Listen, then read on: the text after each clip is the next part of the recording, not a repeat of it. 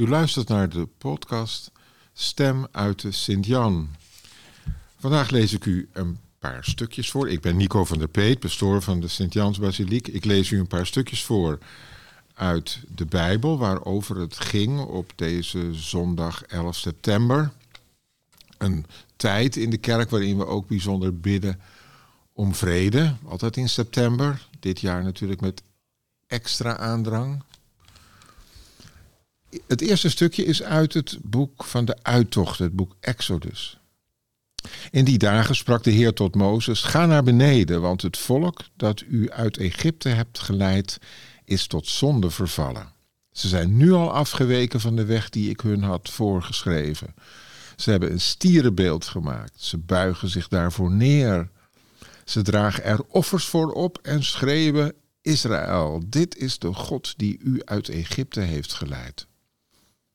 Ook sprak de Heer tot Mozes: Ik zie nu hoe halstarrig dit volk is. Laat mij begaan. Dan kan ik hen in mijn brandende toorn vernietigen. Maar van u zal ik een groot volk maken. Mozes trachtte de Heer zijn God gunstig te stemmen en vroeg: Waarom, Heer, uw toorn laten woeden tegen het volk dat u met grote kracht en sterke hand uit Egypte hebt geleid? Denk aan uw dienaren Abraham, Isaac en Israël, aan wie gij onder ede beloofd hebt. Ik zal uw nageslacht talrijk maken als de sterren aan de hemel. En het land waarover ik heb gesproken, zal ik uw nakomelingen voor altijd in bezit geven. Het zal voor eeuwig hun erfdeel zijn. Toen zag de Heer af van het onheil waarmee hij zijn volk had bedreigd en enkele versen uit het vijftiende hoofdstuk van Lucas. In die tijd kwamen tollenaars en zondaars van allerlei slag bij Jezus om naar hem te luisteren. De fariseeën en de schriftgeleerden morden daarover en zeiden: Die man ontvangt zondaars en eet met hen.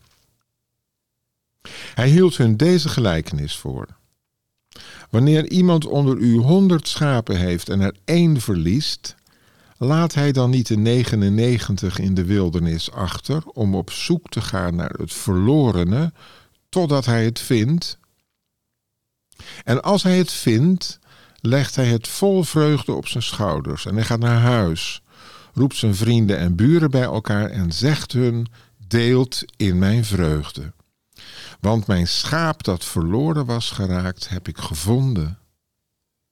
Ik zeg u, zo zal er in de hemel meer vreugde zijn over één zondaar die zich bekeert, dan over 99 rechtvaardigen die geen bekering nodig hebben.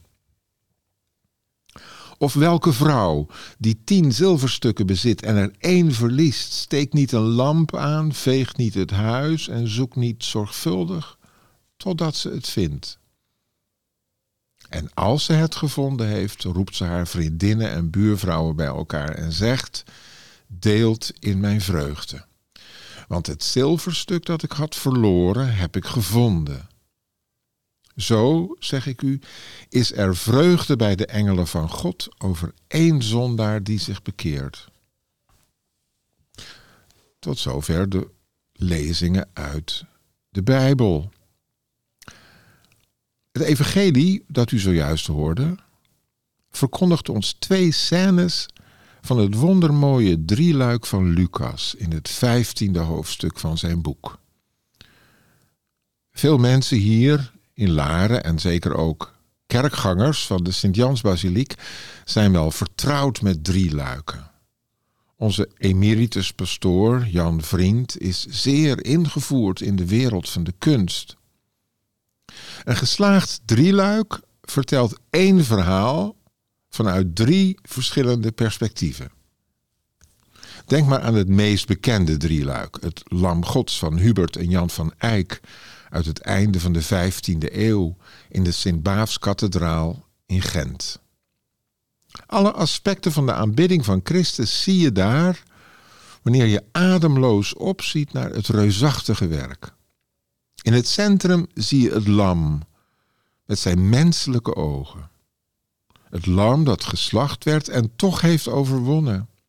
dat alle aardse en hemelse rangen en standen bijeenbrengt voor zijn altaar. Het drieluik van Lucas, die volgens een oude overlevering niet alleen geneesheer was, maar ook schilder, gaat over verloren zijn en gevonden worden. Het linkerpaneel beschrijft het onvergetelijke verhaal van de herder van honderd schapen die op zoek gaat naar dat ene dat verloren loopt. Het rechterpaneel handelt over de verloren zoon die terugkeert naar zijn vader. Dat verhaal lezen we in de 40 dagen tijd, in de weken voor Pasen. Op het belangrijkste, althans in mijn ogen, belangrijkste middenpaneel zien wij een vrouw. Een vrouw die haar huis omkeert om het ene verloren zilverstuk te vinden. Zij doet mij een beetje denken aan mijn moeder, die, als er iets kwijt was in huis, maar bleef zoeken en de heilige Antonius aanriep en een kaars beloofde als ze het zou vinden. Het is niet vreemd dat die vrouw uit het evangelie helemaal in de gloria is en haar vreugde deelt met haar vriendinnen en buurvrouwen als zij het gevonden heeft. Want die ene munt, dat ene zilverstuk, vertegenwoordigt maar liefst 10% van haar aardse bezit. Dat is zo ongeveer ons inflatiecijfer momenteel. In het midden plaatst Lucas de vrouw. Zij staat in het centrum van de aandacht.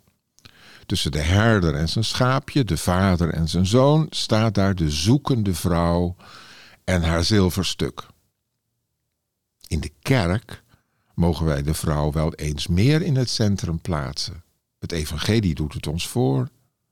De paus in Rome ook. Hij benoemt steeds meer vrouwen om bestuursfuncties te bekleden in de hoogste regionen van de kerk. Onder andere om op de centen van de kerk te letten, de zilverstukken.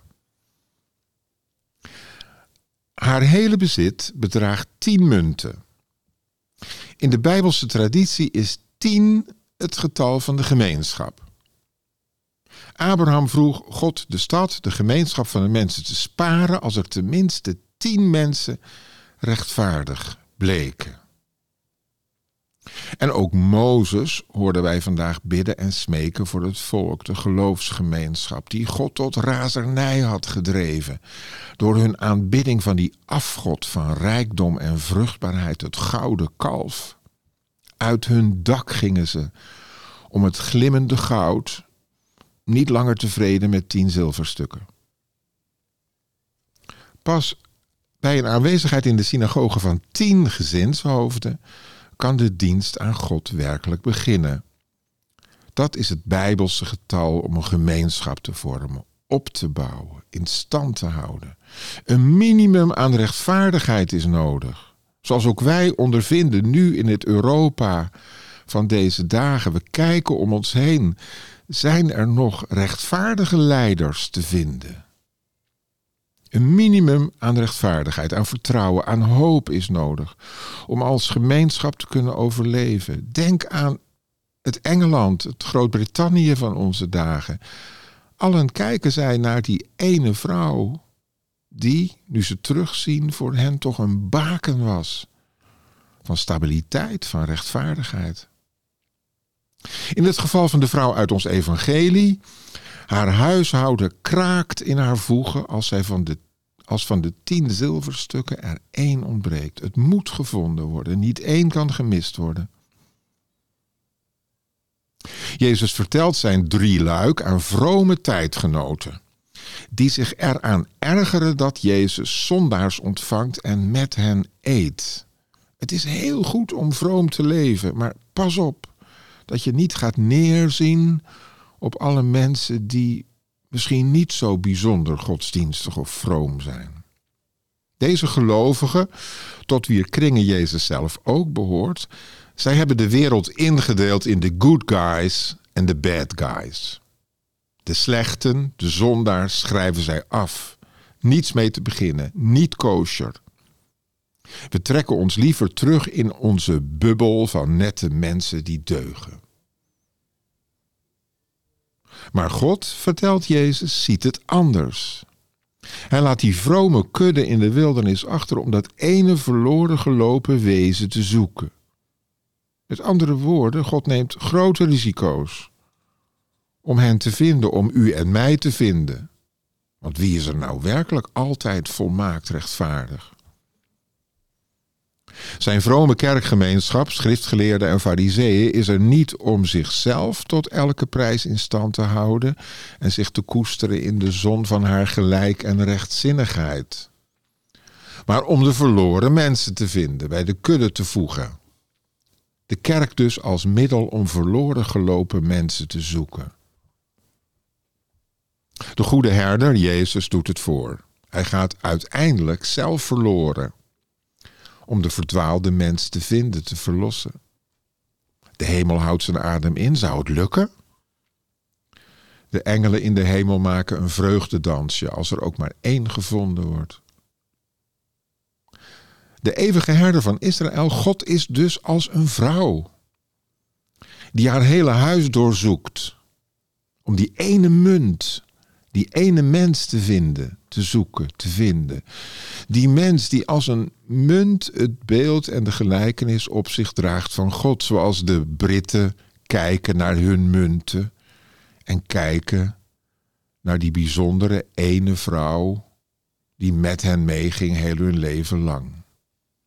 Die mens, die ene mens, is van kostbare eeuwige waarde. Deelt in mijn vreugde.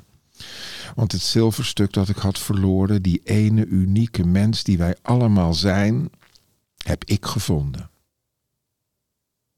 Mogen wij dat mooie drieluik in al zijn schoonheid en waarheid en goedheid openzetten en zelf gaan uitbeelden.